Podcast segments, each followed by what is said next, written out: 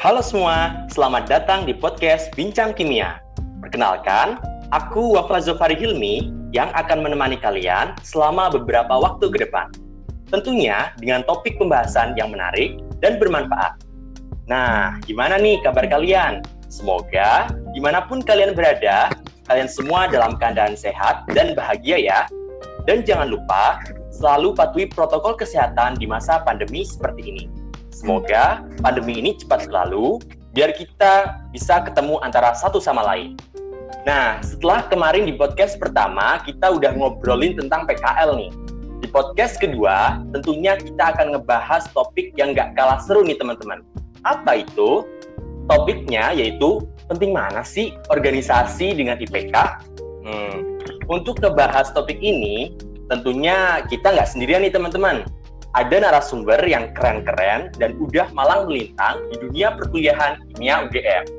Yang pertama yakni ada Mbak Hana. Halo Mbak Hana, boleh Hai, diperkenalkan diri? nama aku Hana Ariesta, bisa dipanggil Hana. Terus pekerjaan aku sekarang menjadi seorang makeup artist. Oke, itu tadi Mbak Hana ya. Dan yang kedua ada Mbak Amel. Halo Mbak Amel. Halo. Uh, sebelumnya perkenalkan, aku Kristi Rizky Amalia. Biasanya dipanggil Amel. Aku sekarang bekerja full time di Bank Negara Indonesia sebagai banking officer dan aku juga uh, sebagai entrepreneur. Oke, itu tadi perkenalan singkat dari kedua narasumber kita pada podcast kali ini. Ngomong-ngomong soal topik pada hari ini, teman-teman kimia mungkin udah pada tahu nih stigma yang berkembang di lingkungan mahasiswa yang mana anak-anak yang aktif di kegiatan organisasi atau kepanitiaan cenderung memiliki prestasi akademik yang tidak tinggi. Nah, begitu pula sebaliknya. Anak-anak yang terlalu fokus mengejar IPK tidak mempunyai pengalaman organisasi. Aku pengen tahu nih, kesan-kesan atau cerita struggling dari Mbak Hana dan Mbak Amel selama berkuliah di jurusan Kimia UGM. Mulai dari Mbak Hana dulu nih. Silahkan Mbak Hana. Oke, okay, nah aku di sini cerita aja ya tentang pengalamanku berkuliah di kimia UGM. Nah sejujurnya aku tuh di kimia ini tuh bukan passionku banget gitu loh, karena emang uh, dari SMA aku pengennya tuh kuliah di statistik sebenarnya. Nah ternyata hokinya adalah aku keterima keterima di kimia UGM. Nah ya udahlah orang tua tuh kayak ya udah dijalani dulu aja paling awal-awal adaptasi nggak apa-apa itu mah udah biasa kayak gitu-gitu. Nah ternyata adaptasinya itu tuh mohon maaf sampai semester akhir ya kan? IPK-nya segitu-gitu aja kan? Cuman aku senangnya di kuliah di UGM di kimia, terutama di kimia ini karena tuh teman-temannya tuh seru-seru banget. Dan sejujurnya aku di kimia ini paling nyaman tuh di organisasi sih kayak keluarga aku tuh di PR itu sih waktu itu kayak gitu. Aku kayak punya keluarga, punya teman, punya sahabat, punya saudara tuh di PR itu karena apa pun uh, apa sih namanya isi hati isi hatiku tuh aku luapin ke PR gitu-gitu. Juga dulu aku berpikirnya ya udahlah udah nyemplung di kimia jadi ya udah diselesaikan aja karena ini tanggung jawab buat uh, orang tua terutama. Jadinya apa ya harus berjuang untuk lulus gitu. Jadi alhamdulillah juga dibantu teman-teman untuk uh, apa sih namanya kuliah juga kayak diajarin apa-apa gitu. Sampai aku akhirnya lulus alhamdulillah. Cerita alhamdulillah. Itu itu sih. Oke jadi Mbak Hana walaupun nggak sesuai passion tapi kuncinya itu ada di lingkungan sekitar nih. Oh. ada dari kak kelas ada di teman-teman adik kelas semua itu bisa diajak kerjasama nah kalau dari versi Mbak Amel sendiri gimana nih Mbak kalau aku ya sebenarnya aku sama Mbak Hana mungkin hampir punya backstory yang hampir-hampir mirip. Karena aku juga uh, alhamdulillah waktu itu keterimanya di UGM jalur SNMPTN jadi uh, karena waktu itu menurut aku nilai aku yang paling bagus itu kimia terus ya udah uh, guru BK aku menyarankan ya udah kamu masuk kimia aja gitu kan. Terus ya udah aku dengan santainya pilih jurusan kimia UGM hmm uh, passion itu kan memang ada. Cuman passion tuh bisa apa ya kadang bisa berubah seiring dengan bagaimana perjalanan hidup kita gitu. Nah waktu itu aku menemukan bahwa aku sepertinya kok tidak bisa uh, struggling gitu di kimia.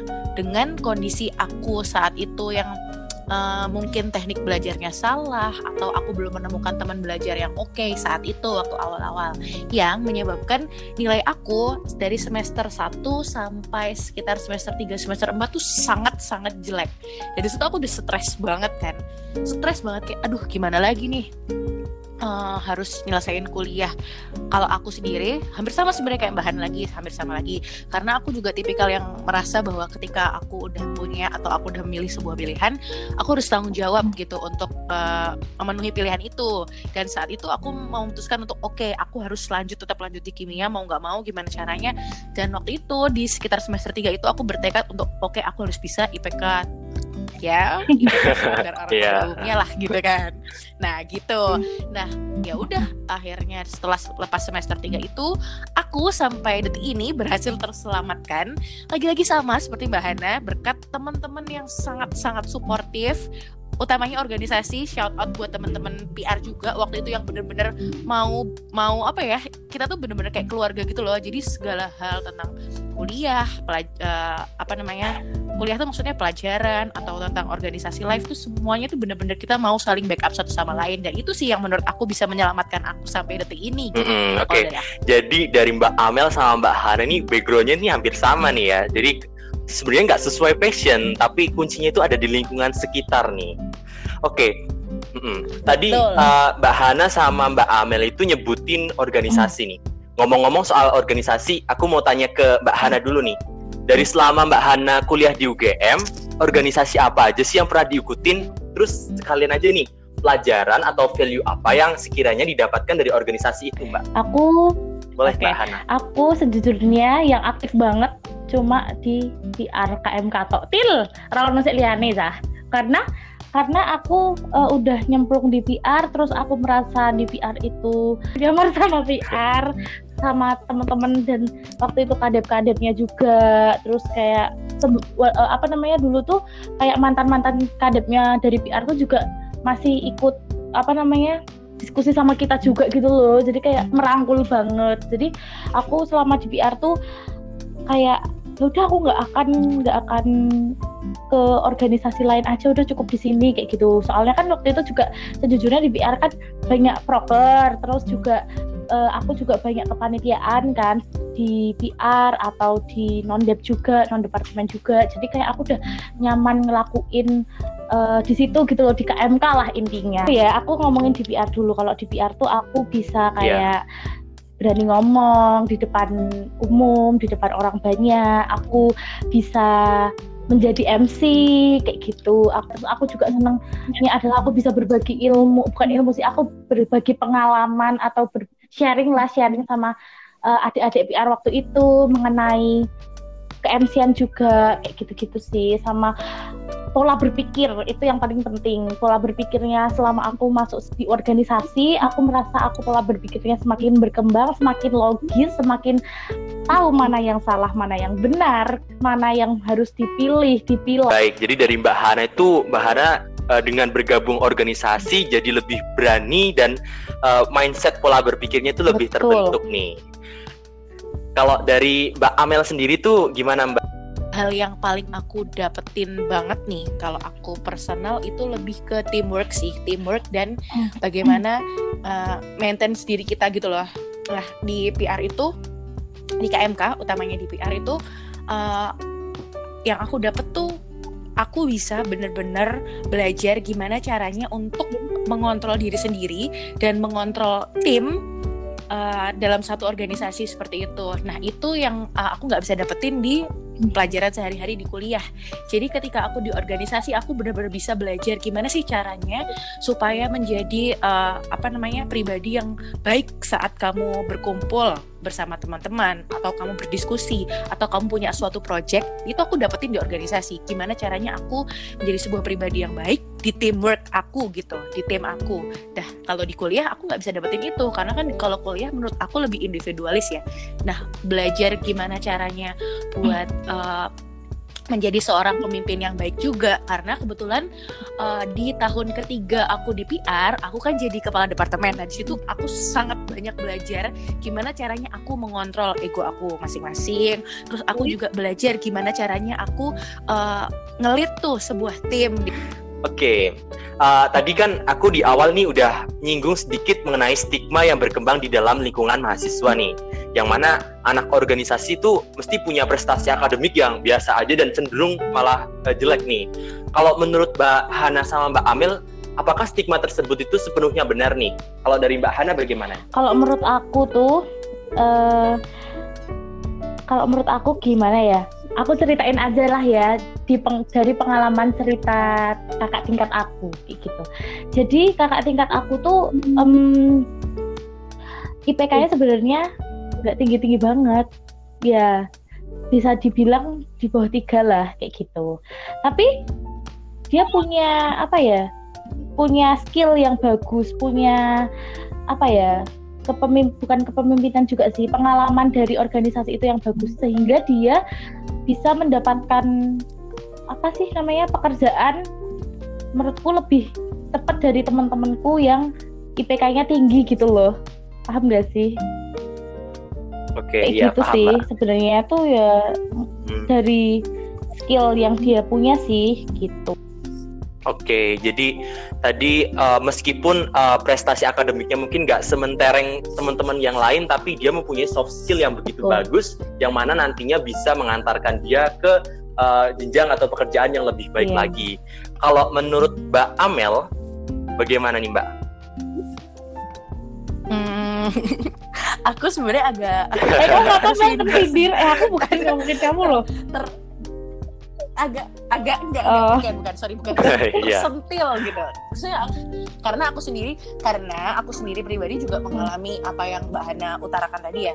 Maksud aku aku tuh uh, nilai aku nggak terlalu bagus. Maksudnya aku tidak kumlot terus aku tidak ikut uh, apa tuh namanya kalau di apa tuh namanya kalau apa sih? OSN aduh ya oh, Onipa, Onipa. Uh, bukan itu uh, ya itu apa namanya yeah. semacam semacam itu loh yang pokoknya uh, Onipa atau itu loh yang hmm. di di fakultas itu yeah. itulah pokoknya aku tuh bukan yang bukan yang kayak oke okay, aku adalah jiwa peneliti sejati gitu aja bukan aku banget sumpah aku nggak pernah ikut yang kayak gitu gitu bahkan aku pernah diajakin aduh apa ya itu namanya ya? Oh, yang kalau kita meneliti meneliti hmm, PKM yeah. oh iya itu PK saat itu aku insecure banget kayak aduh gimana ya?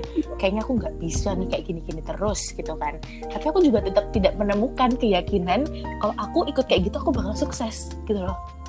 Kayak terus ya udah akhirnya dengan segala kemampuan yang aku miliki aku sampai akhir lulus tetap tidak pernah mengikuti kegiatan seperti itu jangan ditiru kalau aku tetap tidak pernah mengikuti nggak kegiatan pernah. seperti itu. Ah, nggak pernah, jangan dibilang mohon maaf nih. Ya. Kita 11 12 ya, Cip. Aku nggak pernah ikut yang kayak gitu-gitu, tapi alhamdulillah aku bisa lulus uh, tepat waktu sesuai dengan yang uh, standar orang lulus pada umumnya lah. Tapi satu hal yang aku dapat selama aku kuliah itu bisa aku manfaatkan dengan baik dan alhamdulillah sampai saat ini hmm, aku bisa diterima di pekerjaan aku sekarang juga. Itu salah satunya salah banyak deh. Karena uh, hal yang aku pelajari itu di saat aku organisasi aku manfaatkan dengan baik gitu di kehidupan nyata setelah kuliah. Jadi menurut aku pribadi uh, IPK itu penting ya. IPK itu penting ya kalau kamu ngomongin prestasi akademik atau IPK mungkin ya itu cukup penting sih sebenarnya. Kalau memang kamu passion di situ silahkan lakukan aja. Cuman ketika kamu tidak merasa kamu yakin di situ nggak usah lakuin. Lakukan apa pun itu yang kamu yakini gitu. Jadi kamu harus bisa bermanfaat atau kamu harus bisa memanfaatkan apa yang saat itu kamu merasa kamu yakini. Kalau aku nggak yakin aku bisa melejit di bidang prestasi akademik ya udah aku udah bisa bermanfaat di bidang yang lainnya itu kalau menurut Oke, okay, jadi dari Mbak Amel sendiri itu pada intinya kita itu harus memaksimalkan potensi diri kita sendiri nih teman-teman. Jadi nggak perlu Setuju. kalian tuh uh, memaksakan untuk bisa berprestasi di situ, padahal uh, kemampuan kalian mungkin nggak terlalu bisa di situ. Mungkin bisa aja di kemampuan lain kalian bisa melejit lebih jauh lagi. Nah, uh, ngobrolin tentang dunia pekerjaan nih. Berhubung Mbak Hana sama Mbak Amel kan sekarang udah uh, bekerja. Kalau dari pengalaman Mbak Hana dan Mbak Amel, orang dengan IPK tinggi tapi kemampuan soft skillnya rendah, dengan orang dengan ya, yang IPK-nya standar tetapi uh, dia memiliki soft skill yang tinggi, potensi untuk diterima di kerjanya itu lebih tinggi yang mana sih? uh, dari Mbak Hana terlebih dahulu Lebih nih boleh. diterima yang pilihan kedua yang standar IPK-nya standar-standar aja tapi dia memiliki okay. kemampuan yang lebih karena uh, kita di pekerjaan entah pekerjaan kimia atau luar kimia itu tuh pasti nanti ada kayak apa ya uh, organ uh, secara tidak langsung ada dibutuhkan organisasinya juga gitu loh. Kayak misalnya kita beradaptasinya sama lingkungan kayak gimana terus nanti kita misalnya disuruh sama atasan kamu bisa nggak kayak gini gini gini? Kamu bisa nggak kayak gini gini? gitu gitu. Jadi nggak melulu tentang kimia gitu loh nggak melulu tentang jurusan yang kita uh, apa namanya yang kita lakuin sebelumnya di UGM itu gitu loh kayak gitu sih. Terutama aku ya di uh, apa namanya per ini. Jadi kayak bener-bener apalagi nggak ada kimia-kimianya ya walaupun kadang-kadang klien-klien aku bilang iya ampun di kimia berarti kamu bisa ngeracik-ngeracik ini dong mbak. Pantesan kamu jadi MUA kamu tahu ya racikan untuk kulit berminyak kulit kering gini-gini kamu tahu kan mbak? Uh, iya lumayan tahu. Aku lumayan tahu cuman nggak ada urusannya sama kimia juga karena kalau misalnya kamu suruh aku nyebutin kandungan di foundation itu ya aku ya rak ngerti juga sih sakjane ya kayak gitu-gitu. Soalnya mindsetnya klien-klien aku tuh kayak uh, oh aku anak kimia berarti kamu tahu kandungan yang ada di produkmu itu lah. Allah lah Allah lah. Kan dia jalan kayak gitu? Kan kayak susah ya. Jadi kayak ya gitu sih. Jadi kayak harus bukan harus sih kalau bisa kamu juga bagus di IPK oke okay. atau mungkin kamu kalau misalnya bukan passion di kimia ya standar standar aja oke okay. kayak Amel tadi bilang punya target bagus banget cuman jangan lupa tingkatkan soft skillmu juga tingkatkan pengalamanmu di apa lingkungan juga nggak melulu tentang uh, akademik karena nanti di pekerjaan itu uh, yang dibutuhkan bukan akademikmu aja cuman uh, harus ada sisi-sisi lain yang harus kamu tingkatkan lagi kayak gitu sih kalau menurut aku. Oke, dari Mbak Hana, intinya pekerjaan apa pun itu uh, soft skill itu memang harus dikedepankan. Tapi bukan berarti IPK itu uh, disingkirin hmm. begitu aja ya. Yang penting kita udah punya target uh, IPK seberapa itu uh, setiap orang punya targetnya sendiri-sendiri. Nah, kalau dari Mbak Amel sendiri gimana nih Mbak? Uh, banyak kok dari mereka yang yang IPK-nya tinggi, tapi mereka punya soft skill yang juga tinggi juga gitu. Jadi orang yang beruntungnya kalian orang-orang yang punya IPK tinggi didukung dengan soft skill yang bagus juga. Kalian punya bakat, kalian punya minat dan kalian bisa bisa apa ya? Bisa uh, meningkatkan hal yang kalian suka itu. Nah, tapi banyak juga kok orang-orang yang diterima di pekerjaan yang juga uh, oke-oke okay -okay, di perusahaan-perusahaan yang juga uh, bonafit dengan dia nggak nggak nggak nggak umlot atau dia nggak nggak yang apa ya IPK-nya bagus banget gitu enggak tapi ternyata backstory-nya dia adalah seorang uh, yang memiliki banyak banyak pengalaman entah dari organisasi entah dari uh, perkumpulan yang diikuti di luar atau sebagaimanapun itu. Karena menurut aku juga semakin banyak pengalaman yang kamu miliki di luar di luar dunia uh, akademis perkuliahan itu juga yang menjadi salah satu tolak ukur dari uh, perusahaan untuk uh, ngelihat nih kira-kira gimana ya uh, si orang ini tuh di di dunia aslinya gitu di dunia luar tuh kira-kira gimana. Karena kalau kita udah di dunia kantor, di dunia luar, di dunia di luar perkuliahan, itu nggak cuman teoritis aja yang dipakai. Kita juga harus bisa berpikir berpikir secara rasional, harus bisa berpikir secara logis, harus bisa menjadi uh, apa ya tim yang bagus untuk tim kalian gitu. Jadi kalau cuman uh, punya uh, prestasi akademik yang gemilang tapi tidak didukung dengan kamu adalah kamu menjadi pribadi yang uh, punya uh, apa ya punya soft skill yang bagus juga ya susah gitu. Karena kan akan kelihatan juga waktu kamu wawancara kerja oh kayaknya nih ini anak mm, kurang bisa bergaul deh atau oh kayaknya nih ini anak mm, teori doang gitu. Kelihatan sumpah kelihatan banget kalau uh, kamu tuh teori doang atau kamu benar-benar bisa menerapkan apa yang kamu omongin di dunia kerja itu kalau di kantor kayak gitu. Oke, jadi kalau di dunia kerja dari yang aku simpulin nih dari dari Hana dan Mbak Amel, di dunia kerja itu intinya uh, setiap uh, pekerjaan itu mempunyai uh, keistimewaannya masing-masing. Di mana itu mungkin dia butuh soft skill, mungkin dia juga uh, ada persyaratan IPK segini, ada IPK yang mungkin nggak terlalu tinggi, ada yang tinggi itu udah punya uh, standarnya masing-masing nih. Oke, okay uh, untuk pertanyaan selanjutnya, dari tadi kan kita udah nyinggung soal masalah soft skill, organisasi, dan IPK. Nah, sekarang aku mau tanya ke Mbak Amel. Uh, kesulitan apa aja sih yang dihadapin sama Mbak Amel ketika bekerja? Mengingatkan Mbak Amel itu bekerja di dunia perbankan ya, iya. ya Mbak, yang mana itu bisa dikatakan uh, tidak sejalan dengan jurusannya itu. Kira-kira kesulitannya itu apa aja sih Mbak? apa ya? Uh, sebenarnya kalau aku pribadi semua pekerjaan yang aku lakukan sekarang di di kantor dari jam 8 sampai jam 5 6 itu kan aku kerja di bank.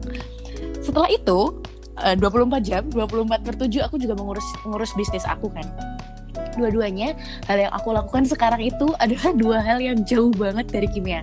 Karena uh, di kantor di bank itu sama sekali nggak ada kimianya jauh banget. Dan di bisnis aku juga kebetulan kan aku punya usahanya di bidang uh, apa ya semacam furniture gitu kan. Nah itu juga bener-bener hmm. jauh dari bidang kimia. Entah itu dari apa yang aku pegang di bisnis aku atau apa yang aku pegang di kantor aku gitu kan.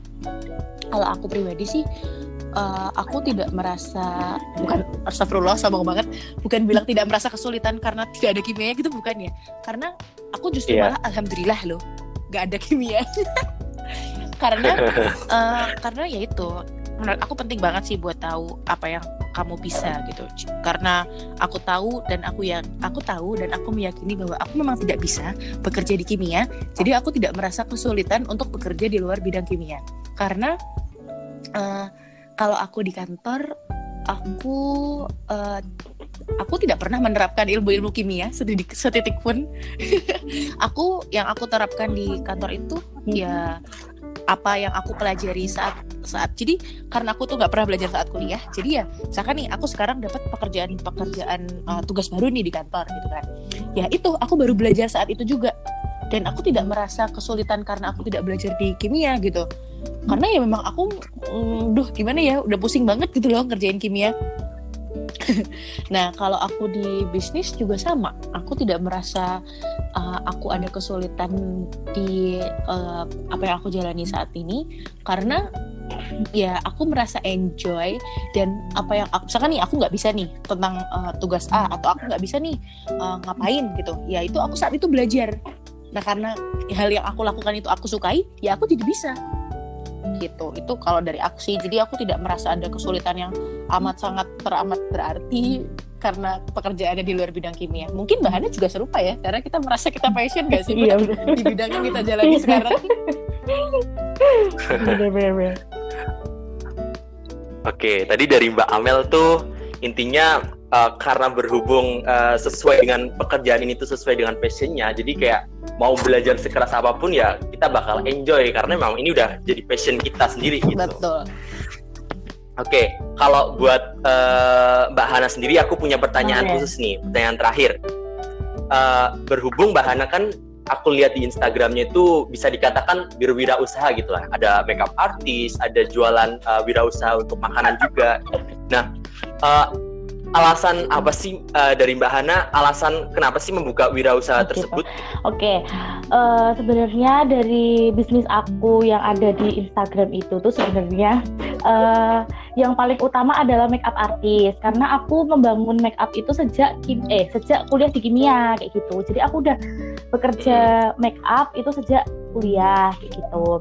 Cuman kan uh, kalau yang makanan itu tuh kayak baru-baru pandemi kemarin gitu loh soalnya kemarin waktu awal iya. pandemi yeah. tuh Rono set make up bos jadi kayak aduh aku untuk pemasukan kok endi gitu gitu loh jadi aku putar otak aku membuat tahu wale waktu itu hmm.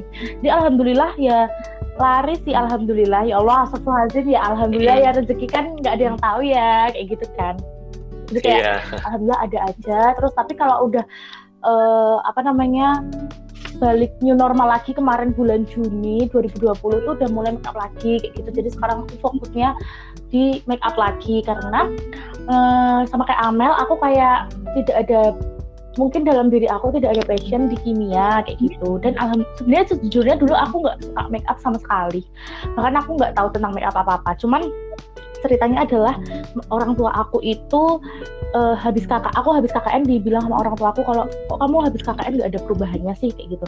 Jadi tapi waktu udah selesai KKN nah itu uh, aku nggak bisa belum bisa apa-apa gitu lah. Maksudnya podo wae ngono KKN eh, tak durunge KKN sama bar bar KKN ini podo wae. Jadi makanya kenapa orang tua pun nikmatin aku make up. Nah itu tuh karena untuk diriku sendiri. Dan saya kayak buat biar kamu tuh bisa make up gitu loh. Keluar-keluar tuh bisa make up sendiri. Eh ternyata lama kelamaan orang tua aku bilang kayak kamu kalau misalnya niat di make up apa modalin di awal? Kayak gitu. Udahlah aku dimodalin kan di awal. Terus lama kelamaan aku punya job sendiri punya job sendiri aku langsung mengumpulkan banyak sampai sekarang. Dan alhamdulillahnya ya untungnya kayak penghasilan di make up tuh juga bisa bertahan hidup kok santai aja gitu loh. Tidak tidak semata-mata kayak soalnya dulu aku berpikir uh, apa namanya aduh aku penghasilannya tuh kudu apa sih namanya cukup buat aku tuh aku harus kerja di mana ya harus kerja di mana ya kayak gitu-gitu. Ternyata kalau kita buka usaha sendiri ternyata juga alhamdulillahnya sama kok sama yang lain juga kayak gitu sih. Dan aku sekarang lebih nyaman di make up juga karena itu juga passion karena itu juga apa ya udah aku bangun udah lama juga gitu-gitu. Gitu Oke, jadi dari Mbak Amel sama Mbak Hana ini sebenarnya sama-sama nih sebenarnya uh, nggak uh, terlalu passion di kimia, tapi memanfaatkan kemampuan yang ada nih teman-teman. Jadi nggak selamanya anak kimia itu selalu berhubungan dengan laboratorium dan larutan kimia atau dan lain-lain sebagainya. Ternyata anak kimia juga bisa loh membuat bisnis sendiri atau anak kimia juga bisa loh kerja di perbankan atau kerja di sektor-sektor yang lain. Nah, nggak kerasa nih uh, udah di penghujung podcast kali ini. Namun, sebelum kita akhiri podcast, boleh nih Mbak Hana sama Mbak Amel kasih closing statement untuk teman-teman pendengar podcast Bincang Kimia. Oke, okay. uh, eh, mungkin sekarang untuk Mbak Hana terlebih dahulu nih kasih closing statement. Oke, okay. uh, eh, pokoknya buat teman-teman semuanya yang dengerin podcast ini, kalian kudu semangat apa pun apa pun yang passion yang kalian punya kembangkan. Pokoknya jangan menyerah. Terus hmm. kalau misalnya kalian emang passionnya di kimia ayo pasti bisa kalian ngejar target IPK kalian. Terus kalau misalnya emang targetnya maksudnya apa namanya di maksudnya bukan jurusan kimia tuh bukan kalian banget nggak apa-apa dijalanin aja. Pokoknya sampai kalian itu lulus inget pokoknya tanggung jawab kalian masih ada orang tua ya kan? Pokoknya dilulusin aja. Tapi kalian juga harus memiliki uh, apa namanya kemampuan diri apa sih yang kalian punya untuk besok ke depannya bakalan seperti apa kayak gitu. Pokoknya kalian harus semangat dan harus berjuang menyelesaikan kimia terutama di kimia UGM ini gitu pokoknya oke okay. Oke, itu closing statement dari Mbak Hana. Sekarang closing statement dari Mbak Amel nih. Silahkan Mbak Amel. Uh, iya, uh, sekarang mungkin sebelum aku mengakhiri uh, obrolan kita malam ini, aku mau ngucapin terima kasih banyak buat uh, KMK udah menyediakan waktu buat aku sama Mbak Hana buat sharing-sharing. Ya Mbak Hana ya malam ini kita dikasih kesempatan yang sangat Yuhu. berharga mungkin. Senang banget. Buat ngobrol-ngobrol dan mungkin didengarkan sama teman-teman kimia ataupun luar kimia. Uh, sedikit aja sih dari aku dan aku dari awal tadi belum belum mention usaha aku di luar kantor aku. Jadi aku punya satu usaha dan uh, namanya adalah Eternity underscore IDN gitu. Jadi aku punya bisnis Eternity IDN official. Nah kalau teman-teman sekalian semua berminat buat apa ya uh, kalau kalian kepengen nih kira-kira Mbak Amel aku nih kepengen nyoba kira-kira uh, kalau aku pengen bekerja di luar bidang kimia itu uh, bisa nggak ya gitu-gitu gitu-gitu kalian bisa banget kok uh, apa namanya tanya-tanya ke aku yang sedang di bidang kuliah kalian kalian kalian sekarang ini kayak misalkan nih kamu mm, nggak mm, bakat nih misal di bidang kimia terus kamu bingung kamu pengen kerja apa kamu bisa nih uh, apa namanya ikut aku buat belajar bareng bekerja bareng karena tujuan aku bikin bisnis uh, apa namanya semakin uh, membuka lapangan pekerjaan buat orang lain. Jadi kalau kalian yang mendengarkan ini di luar sana masih curious buat uh, sebenarnya kalian passion apa sih? Kalian bisa kok tanya-tanya ke aku atau gabung bareng nih sama aku begitu. Atau kalian juga bisa tuh tadi uh, tanya-tanya sama belajar bareng sama dan lain-lain. Dan satu lagi closing statement dari aku uh, mungkin uh, buat teman-teman yang mendengarkan podcast ini uh, tetap semangat kalau kalian anak kimia dan kalian lagi struggling terhadap uh, pelajaran kimia yang mungkin menurut kalian sangat sulit tetap semangat. Percaya aja bahwa segala sesuatu yang sulit sekarang pasti akan berbuah manis di depannya karena nggak akan mungkin ya kita hidup tuh pahit-pahit-pahit terus. Pasti ketika habis pahit ya manis. Ketika habis manis ya pahit. Ya itu roda begitu aja terus berputar. Jangan pernah merasa bahwa kalian sedang ada di titik terlemah kalian itu sendirian. Karena banyak kok ternyata di sekitar kalian yang juga peduli terhadap kalian. Dari pembahasan kita tadi jadi uh, bisa ditarik kesimpulan nih bahwasanya gak selamanya anak yang aktif organisasi itu memiliki prestasi akademik yang biasa saja. Nah, seharusnya antara kegiatan akademik dan organisasi pun itu harus berjalan beriringan sesuai dengan porsinya masing-masing. Dan kita itu juga nggak perlu memaksakan uh, untuk berprestasi di bidang akademik. Nah, mungkin uh, kurang sesuai dengan passion dia, mungkin kita juga nggak bisa terlalu memaksakan. Oke, itu tadi podcast Bincang Kimia tentang penting mana sih antara IPK dengan organisasi. Semoga teman-teman dapat mengambil nilai positif dari adanya podcast ini ya. Terima kasih juga kepada Mbak Hana dan Mbak Amel yang sudah bersedia menjadi narasumber pada podcast kedua ini. Sekian dari aku. Apabila ada kesalahan dan kekurangan, mohon dimaklumi ya. Sampai jumpa di podcast selanjutnya. Bye-bye. Terima kasih.